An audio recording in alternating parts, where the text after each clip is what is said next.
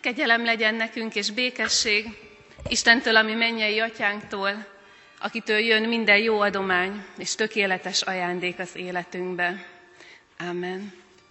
Nagy szeretettel köszöntöm a ma esti gyülekezetet, és kezdjük meg Isten dicséretét a 234. dicséretünk éneklésével, a 234. dicséretünk első versét fönnállva, a második, harmadik és negyedik versét pedig a helyünket elfoglalva énekeljük. Így kezdődik, Jel kérjük Isten áldott szent lelkét.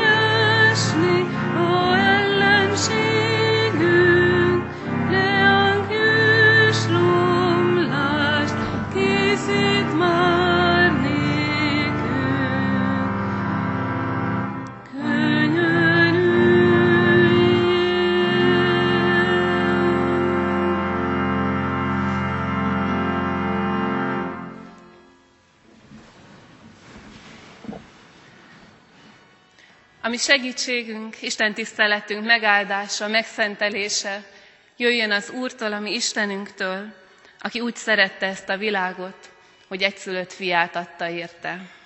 Amen.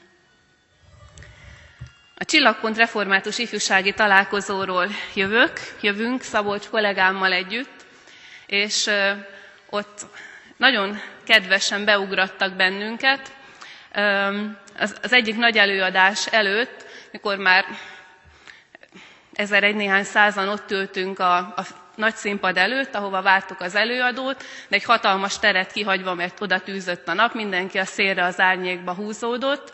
Egyszer csak a zenekar elkezdte játszani a himnuszt. És akkor kicsit zavarodottan, de lassan elkezdtünk fölállni, és akkor néhány taktus után abba hagyták, és mondták, hogy na most, hogy mindenki fölállt, akkor kérjük, hogy jöjjön mindenki előre, hogy egy kicsit közelebb legyünk egymáshoz.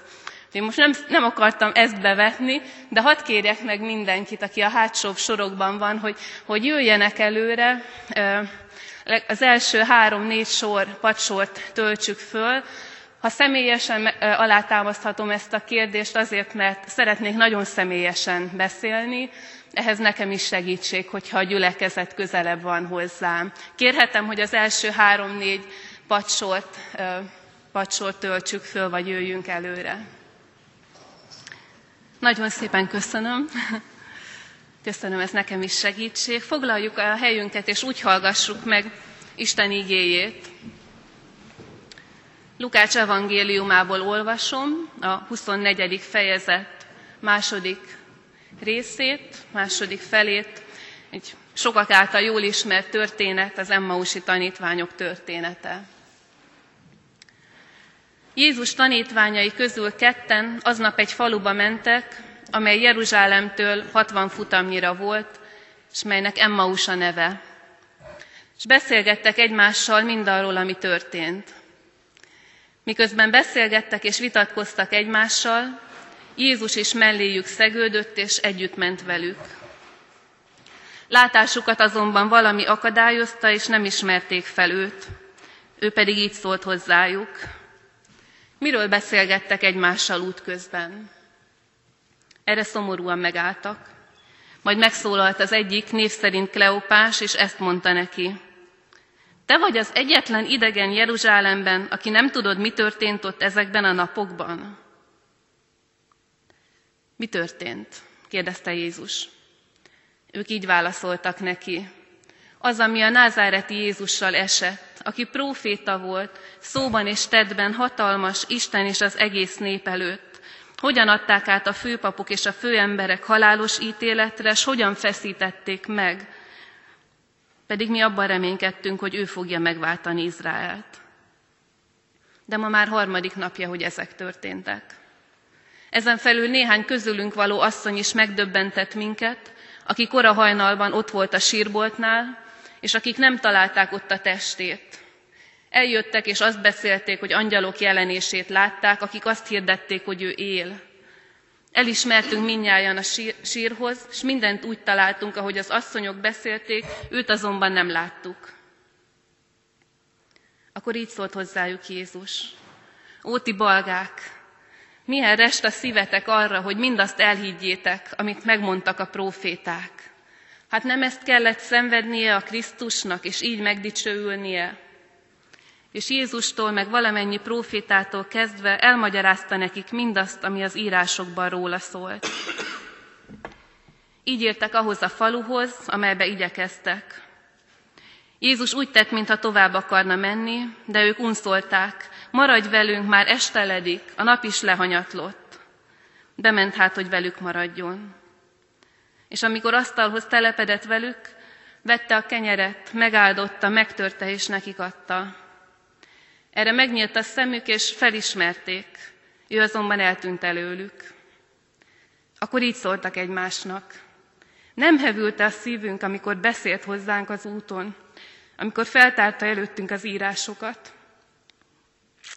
Még abban az órában útra keltek, s visszatértek Jeruzsálembe, ahol egybegyűlve találták a tizenegyet és a többi tanítványt. Ők elmondták, hogy valóban feltámadt az Úr, és megjelent Simonnak. Erre ők is elbeszélték, ami az úton történt, és hogy miként ismerték fel őt a kenyér megtöréséről. Ámen. Helyünkön maradva imádkozzunk.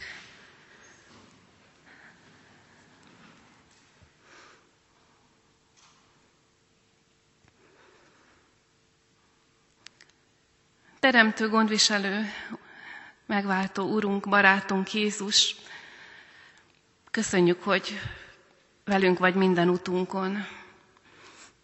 Köszönjük azt, hogy azokon az utainkon is velünk voltál, amikor nem láttunk, vagy amikor nem tudtuk, hogy Te vagy az, aki szólsz hozzánk.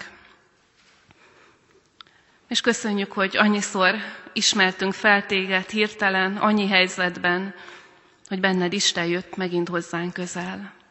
Áldott legyél érte, és könyörgünk, hogy gyere most is, lelked által nagyon közel hozzánk. Amen. Egyetlen mondatot emelek ki az előbb hallott igerészből, a 21. verset, amikor a tanítványok azt mondják, pedig mi abban reménykedtünk, hogy ő fogja megváltani Izraelt. Mindenek előtt szeretném elmondani, vagy megvallani, hogy erre a mai ige hirdetésre nem a hagyományos módon, nem az íróasztal mellett készültem föl, hanem az egész elmúlt hét készített. Teológián tényleg azt tanították nekünk, hogy egy hétig kell egy istentiszteletre, ige hirdetésre készülni. Hát ez, ez ritkán történik meg velem. Most sem egy héten keresztül könyveket olvasva, meg írva készültem az istentiszteletre, hanem ahogy mondtam, a Csillagpont ifjúsági találkozón vettünk részt néhányan Kecskemétről.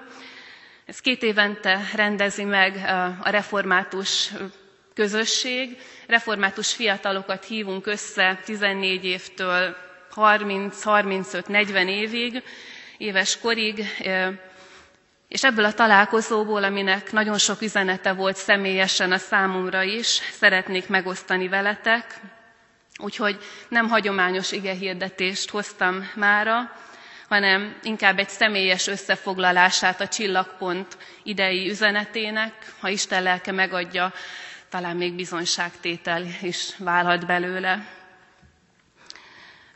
A, a csillagpont témája egyetlen szóban összefoglalható, mégpedig abban a szóban, hogy bizalom. És a három nap alatt háromféleképpen gondolkodtunk és beszélgettünk róla, három írásjel volt, vagy mindig más írásjel volt mögötte. Először a pont, hogy bízom, aztán a második nap egy nagy kérdőjel, hogy bízom, és a harmadik nap pedig egy még nagyobb fölkiáltójel, hogy bízom. Így jártuk körben ezt a témát, és így szeretném ezt a három megközelítést is elétek hozni, néhány mondatban az ott elhangzott üzenetet megosztani veletek, mindegyiknél, aztán mindegyikhez egy-egy személyes életélményt szeretnék megosztani veletek, és aztán pedig egy kérdést föltenni, ami kérdés volt nekem, talán benneteket is tovább vezet. És hogy erre ráhangolódjunk, a, egy éneket hoztam, talán többen ismeritek is, de igazából egyetlen sor, nem lesz nehéz megtanulni. Szeretném, ha ezt a három blokk között újra meg újra elénekelnénk, egy tezé ének, úgy szól, jó az Úrban bizakodni, jó az Úr, remélj és bíz benne, jó az Úr. Van, aki ismeri? Megmutatom, ezeknek az éneküknek, énekeknek az ereje éppen abban van, hogy többször énekeljük el, egy háromszor eléneklem, és akkor negyedikre, vagy harmadik, negyedikre be lehet kapcsolódni. Jó az Úrban bizakodni, jó az Úr, remény és bíz benne, jó az Úr. Ennyi. Jó az Úrban bizakodni, jó az Úr, remélj és bíz benne, jó az Úr. Még háromszor éneklem, szabad bekapcsolódni, vagy kérem is, hogy kapcsolódjatok be. Mm, jó az Úrban bizakodni, jó az Úr, remény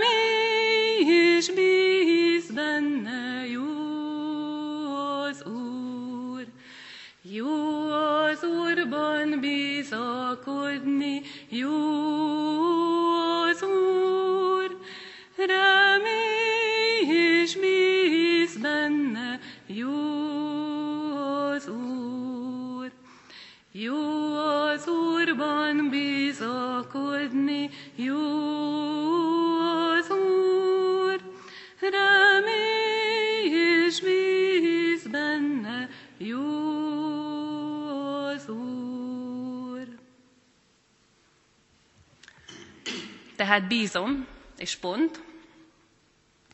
Bízom, mert Isten bizalommal teremtette meg ezt a világot, és mert bizalomra tanít, teremtett bennünket is. Bízom, és ezt mindannyiunk nevében mondom, talán halljátok, bízom, mert születésem óta van tapasztalatom arról, hogy vannak, akikben megbízhatok. Kezdve az édesanyámtól, aki az ölébe vett, és azóta újra meg újra vannak olyanok, akik bizalmat szavaznak nekem. És bízom azért is, mert az élet, a világ az úgy épül fel, hogy egyszerűen muszáj bíznom, mert ha nem bízom, meghalok. Mert ha nem bízom, kiesek ebben a világnak a működéséből, ami valamennyire a bizalomra épül és rákényszerít a bizalomra. Amikor fölülök egy buszra, akkor nem tesztelem le előtte a buszvezetőt, hogy, hogy nem alkoholizál-e, hogy egyáltalán tud-e vezetni. Egyszerűen fölülök, és bízom abban, hogy rendben elvisz oda, ahova megyek.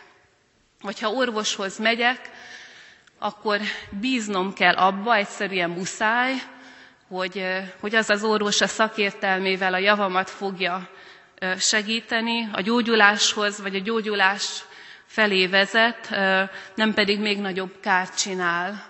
Talán mind sokan ismerjük azt, amikor műtétre készülünk, tele vagyunk félelemmel, mi tart meg?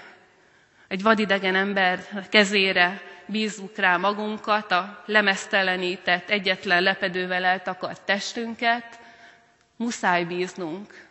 Aki nem bízik, aki nem mer akár az orvosnak bizalmat szavazni, ismerek olyat, bele fog halni, ha olyan betegsége van. A világ úgy épül fel, hogy vagy bízok, vagy meghalok.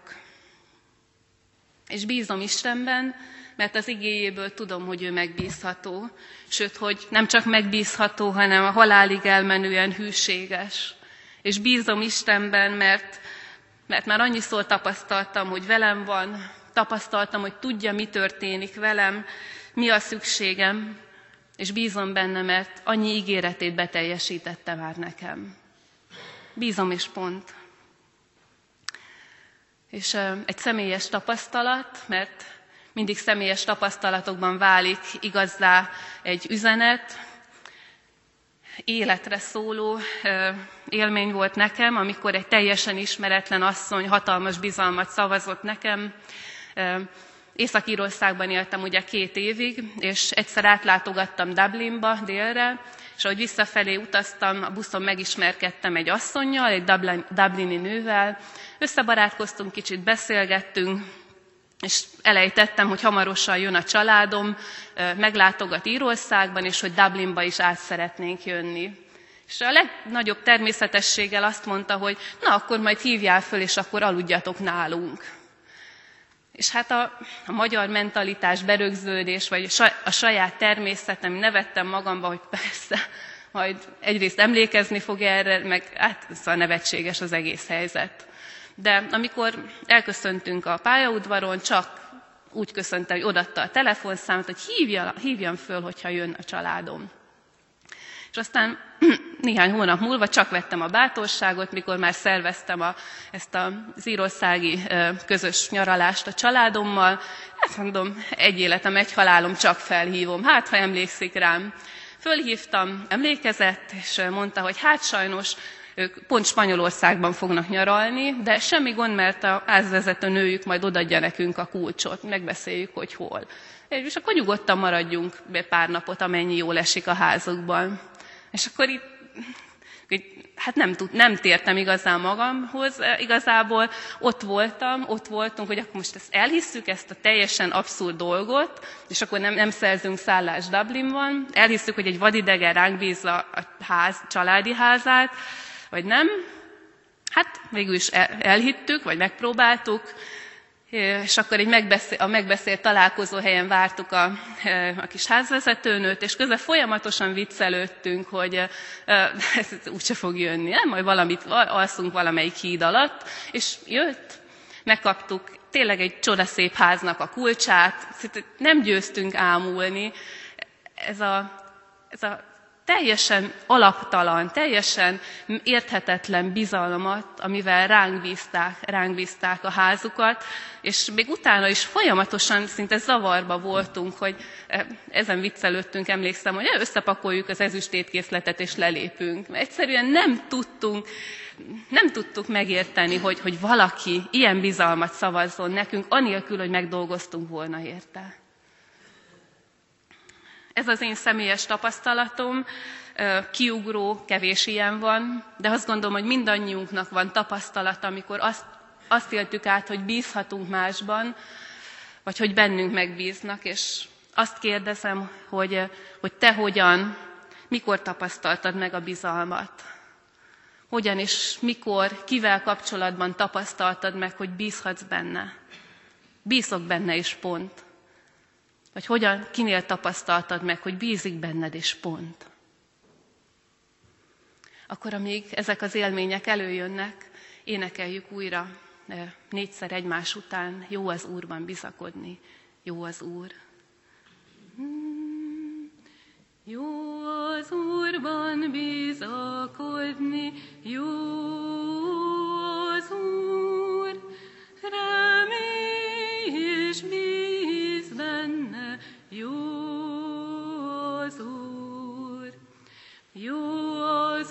Úrban bizakodni, jó az Úr, remély és bíz benne, jó az Úr, jó az Úrban bizakodni, jó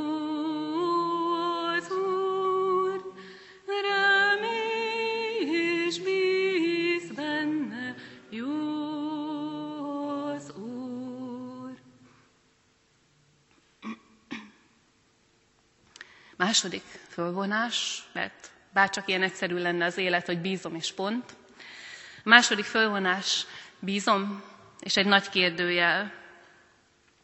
Bízom, vagy tudok bízni? Hiszen már értek csalódások. Bízom, tudok bízni, hiszen nem csak kicsi csalódások értek, hanem, hanem nagyok is. Csalódtam a várakozásaimban, Csalódtam már más emberekben, csalódtam már önmagamban is, és ha őszinte vagyok, akkor csalódtam már Istenben is. Bízom-e még igazán, vagy a bizalmam az inkább csak egy ruha, nem mondom, hogy álca, de egy ruha, ami egy mélyen bizalmatlan embert, egy mélyen bizalmatlan életet takargat. A személyes tapa, élményem ehhez nem, fölvág, nem, nem fölvágni hozok külföldi élményeket, úgy tűnik, hogy az Úristen ott vett nagyon a kezében.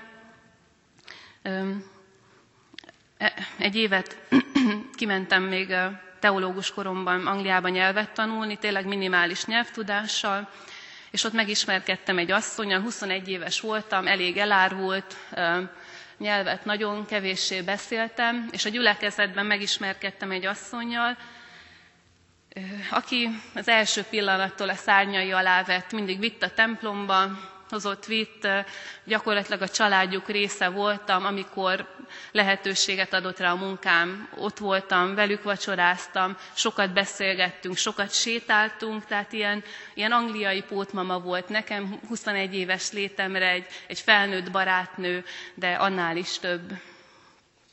És hát a hitünkben is osztoztunk, erről is tudtunk beszélgetni.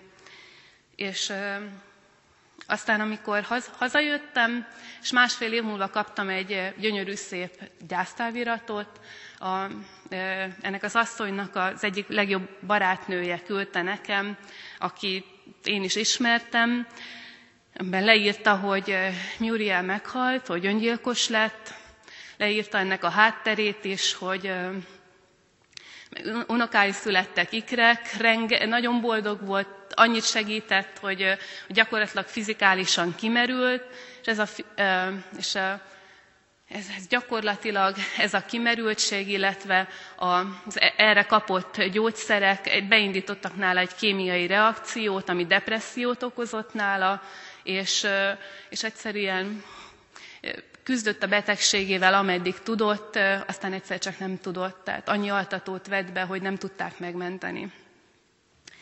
És, és nekem ott nem a hitem rendült meg, hanem a bizalmam az Istenben, meg az életben. A hitem az a sziklaszilárd volt akkor is, egy szemernyi kétségem nem volt abban, hogy, hogy Murielt az Isten a kezébe vette, hogy attól, hogy ő, ő nem tudta az életet tovább hordozni itt a Földön, attól az Úristen őt nem elvetette, hanem magához fogadta. Egy szemelnyi kétségem sem volt az örök élete felől. Teljesen értettem ezt a folyamatot, hogy depressziót idéznek elő gyógyszerek. Mind, tulajdonképpen minden rendben volt a fejemmel, helyre tudtam tenni a hitem alapján, és, és meg is tudtam ezt írni a férjének, hogy, hogy én, hát e, ezt, amit elmondtam. És mégis a, a hitem belül, a, a, a bizalmam Istenben nagyon mélyen megrendült, éreztem akkor is, és nagyon sokáig, évekig hordoztam ezt a tapasztalatot, hogy, hogy Isten engedi idáig eljutni azt, akit szeret. Akkor, akkor engem is valószínűleg. Akkor én se vagyok ilyen szempontból biztonságban. Mi a garancia arra, hogy nem én is így végzem el? Ezek nagyon mély gondolatok, nyilván nem voltak mindig ott a, a fejemben, a szívemben, de, de megrendült a, a bizalmam, az imádságba vetett bizalmam, hogy, hogy, hogy érdemes imádkozni, érdemes-e imádkozni, amikor, amikor ilyen sorsok is vannak. És tudom persze, hogy az Isten a mennyországban várta őt, és, és mégis a bizalmam nagyon-nagyon megrendült Istenben és a jövőmben. És a kérdés hozzátok, meg magamhoz is újra meg újra, hogyha bátran nézel a szívedbe, olyan mélyen belenézel a saját szívedbe, amennyire csak lelátsz bele, akkor mit találsz ott? Mennyi benne a bizalom, és mennyi benne a bizalmatlanság? és ha van benne bizalmatlanság, és hogy ne lenne, melyikünket nem értek csalódások, akkor az ott van-e a világosságban, azt te bemered-e vallani, megmered-e mutatni Istenbe, Istennek, vagy még mindig a szívednek egy, egy sötét, rejtegetett sarkában őrzöd. Hol van a bizalom, és hol van a bizalmatlanság a szívedben? Énekeljük újra ezt az éneket, amíg ez a kérdés dolgozik bennünk. Háromszor énekeljük, jó az Úrban bizakodni. Jó az Úrban bizakodni, jó az Úr, remély és bíz benne, jó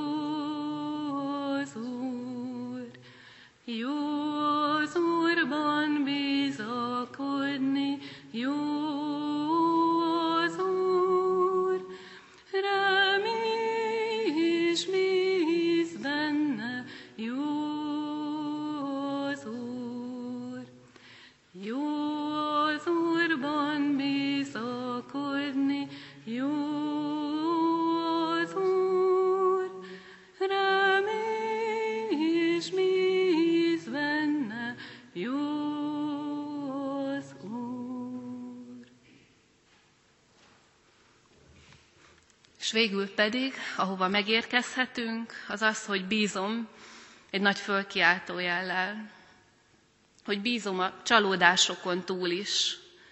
Bízom azért, mert egyszerűen a bizalom mellett döntöttem, és döntök újra meg újra a csalódásaim ellenére is. Bízom azért, mert tapasztaltam már, hogy Isten hozzáér, előhozza a csalódásaimat, a legfájóbbakat is, és gyógyítja azokat. Bízom azért is, mert előbb vagy utóbb megláttam az Istent az életem legfájóbb, legnagyobb csalódást okozó eseményeiben is, vagy ha még nem láttam meg, bízom, hogy meg fogom látni. És bízom, mert ismerem az Isten ígéreteit, és újra meg újra azokra nézek. Személyes tapasztalat ehhez, ennek a történetnek a folytatása, hát beletelt egy tíz évbe. De de ez az Úristennek a, az időzítése, neki van ideje. Üm, nyilván éltem tovább a magam életét, hitét, üm, bár, üm, bár küzdöttem, és talán ebből is adódik, hogy nagyon féltem nekivágni a lelkészi hivatásnak. Üm, az Úristen megadta, hogy Írországban egy évet tölthettem hatodévesként, egy, egy fantasztikus közösségben, a, ahol az imádság, az egymásért való imádság, az, az hát arra épült az egész gyülekezeti élet. És ott, ott volt lehetőségem ezeket a, ezt a csalódásomat, ezeket a csalódásaimat megosztani más keresztény emberekkel, újra bevonódhattam az imaszolgálatba, és egyszerűen és, és kísértünk embereket akár imádságban a halálukig, fiatal embereket is, és, és ott az Úristen elkezdte a bizalmamat, nem a hitemet, az megvolt, a bizalmamat, ahhoz, hogy van értelme imádkozni, hogy van értelme bízni az Istenben és a jövőben. Újra elkezdte építeni. És aztán egy nagyot ugrunk, eltelt körülbelül 6-7 év, és egyszer elmentem néhány napra imádkozni egy lelkivezető segítségével, és ott újra feljött ez a téma, és hát, újra átimádkoztam ezt a csalódásomat, ezt a fájdalmamat, ezt a veszteséget, leírtam Istennek mindent ezzel kapcsolatban, ami bennem van, és, és nem tudom megmagyarázni, hogyan, de az Úristen ott nekem, nekem gyógyulást adott. Nem tudok többet, mint tudtam Júriel halála után. Ugyanúgy ennyit tudok, hogy, hogy az Isten őt szereti és magához vette. De, de valahogy abban a találkozásban Istennel helyreállt, amennyire lehet, helyreállt a bizalmam Istenben. A, megingottság az, az eltűnt, és, és, ez egy, és aztán el tudtam temetni ezt a veszteséget az Isten előtt. Az Isten elénk hozza meg újra, újra meg újra a csalódásainkat, a veszteségeinket, és fölkínálja, hogy ahogy vele újra rájuk nézünk, egyszer csak talán helyreáll bennünk a bizalom. Egy év múlva, öt év múlva, tíz év múlva, a halálunk előtt helyreáll a bizalom. És bízom. És a, a kérdésem, hogy találkoztál-e már úgy Jézussal, hogy, hogy ő a csalódásod, a csalódásaid ellenére is bizalomra hívott. Találkoztál-e vele úgy, mint aki gyógyítani jött azt, ami benned eltörött? És ha igen, akkor tudtál-e legalább egy kicsit igen mondani rá? Egy kicsit. Az elég, hogy az Isten elkezdje a munkát bennünk. Egy kicsi igen, hogy bízom újra. Újra énekeljük ezt az éneket. Hmm. Jó az Úrban bizakodni, jó az Úr, remény és bíz benne, jó az Úr. Jó az Úrban bizakodni, jó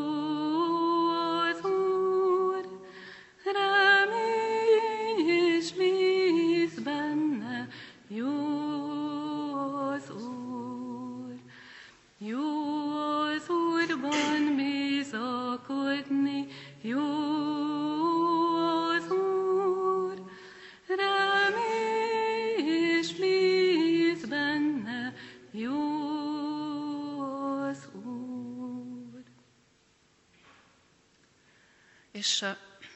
ennyit szerettem volna személyesen elmondani, és ígérem, nem fogok nekiállni kezdeni prédikálni, tehát még mondok el egy prédikációt, de csak a hallott Emmausi tanítványok története alapján hadd emeljek ki néhány gondolatot a, bizalom, a csalódás és az újrabízás szempontjából.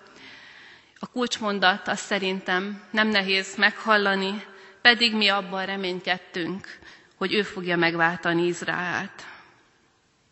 Pedig mi abban reménykedtünk, hogy ő az. És azt gondolom, a legnagyobb csalódásaink nem azok, amikor valami nem történik meg, amit várunk, vagy megtörténik valami, amit nem várunk, hanem a legnagyobb csalódásaink azok, amikor azt hiszük valakiről, hogy na ő az, és kiderül, hogy nem ő az. Kiderül az, hogy nem is ő volt. Itt a két, Emma, két tanítvány Jézus keresztre feszítése után így van Jézussal. Azt hittük, hogy ő az Isten, aki hozzánk jön. Azt hittük, hogy mikor velünk volt, hogy az Isten volt velünk. És, rá kell döbbennünk, hát meghalt, hogy, hogy nem ő az. Nem ő volt. Végig nem ő volt. Alapjaiban reng meg az életük, a bizalmuk. Ismerjük a folytatást, Jézus hozzájuk, csatlakozik az úton, és furamód nem fedi fel magát azonnal, egy nagy hallelujában nem változtat meg mindent, hanem végighallgatja a panaszaikat, a csalódásukat, és, és úgy tűnik, hogy engedi őket, hogy, hogy lenyúljanak a, a csalódásuk mélységébe. Azért, hogy aztán igazán méről tudja őket gyógyítani.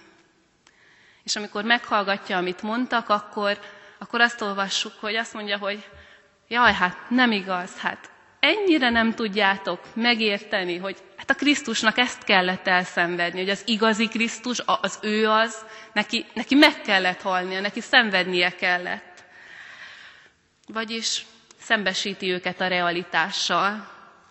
Azt mondja, hogy csak ti vártatok olyan Krisztust, akivel semmi baj nem történhet, és ha aki mellett vagytok, titeket se érhet semmi gond, semmi baj. Kezdettől megmondta Isten, hogy a Krisztus szenvedni fog, mert így tud megváltani. Amikor Isten kezébe veszi a csalódottságainkat, akkor sokszor ezzel kezd, hogy szembesít bennünket azzal, hogy nem abban csalódtunk, amit ő ígért, nem az nem teljesedett be, hanem abban csalódtunk, amit, amit elvártunk tőle. És ő nem, nem azt tette. Ilyenkor Isten gyakorlatban tanítja nekünk azt, amit egyébként nagyon jól tudunk, hogy az ő gondolatai nem a mi gondolataink, és az ő utai nem a mi utaink. De Jézus nem csak igékkel dobálózik, nem is dobálózik, hanem olyan hévvel, olyan szeretettel mondja, tanítja, hogy hát lássátok meg, ez az igazi, ez a ti Krisztusotok, akinek szenvednie kellett értetek, hogy a két tanítványnak nem csak leesik a tantusz, hogy tényleg, akkor, akkor lehet, hogy mégis ő, hanem, hanem azt olvassuk, hogy elkezd hevülni a szívük. Hogy Jézus nem csak a fejüknek magyaráz, nem csak meggyőzni akarja őket, hanem a szívüket akarja elérni de a végső meggyőzés, a végső elérés az, az majd a közös vacsora lesz. És a figyeltétek, itt Jézus egyetlen szót se szól, csak megtöri a kenyeret. És a két férfi hirtelen meglátja, hogy Jézus itt van velük. És ugyanabban a pillanatban meglátják azt is, hogy ha most velük volt, akkor most velük van, akkor velünk volt, akkor is, amikor csalódtunk meglátják, hogy mégis ez a Jézus az, aki, akire rá kell bízni az életüket, mert nincs más. Meglátják, hogy minden csalódásuk ellenére mégis Jézus volt az igazi, a Krisztus. És rádöbbennek, hogy amíg ők úgy tapasztalták, hogy összeomlott a világuk Jézus halálával, és össze is omlott, addig Jézus ugyanazt tette. A kereszt ugyanez volt, megtörte a kenyeret, a saját testét. Ugyanezt tette, amit most itt velük. Értük megtörte a kenyeret. Bízunk, csalódunk, de nem maradunk a bizalmatlanságban. Mert a szeretet és a bizalom Istene a csalódásainkon keresztül is keres és megtalál bennünket. Ő kezdeményezi azt a találkozást, ami meggyógyítja, helyreállítja a bizalmunkat, ami nem csak meggyőz bennünket, hogy az Isten velünk van, velünk volt mindig, és velünk lesz, hanem fölhevíti a szívünket, és még jobban megnyeri magának. Ezért adjunk hálát, és erre a találkozásra készülve énekeljük még el újra háromszor az éneket. Jó az Úrban bizakodni, jó az Úr. Jó az Úrban bizakodni, jó az Úr, remély és bíz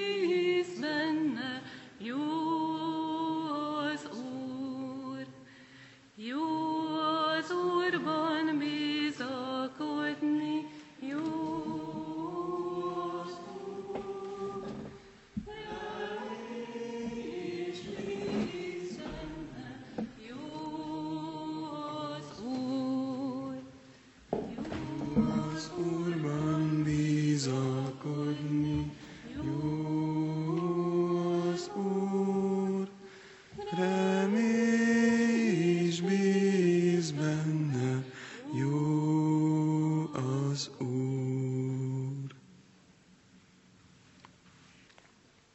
Áldjad lelkem az Urat, és egész valóm az ő szent nevét. Áldjad én lelkem az Urat, és el ne feledkezzél semmi jó téteményéről.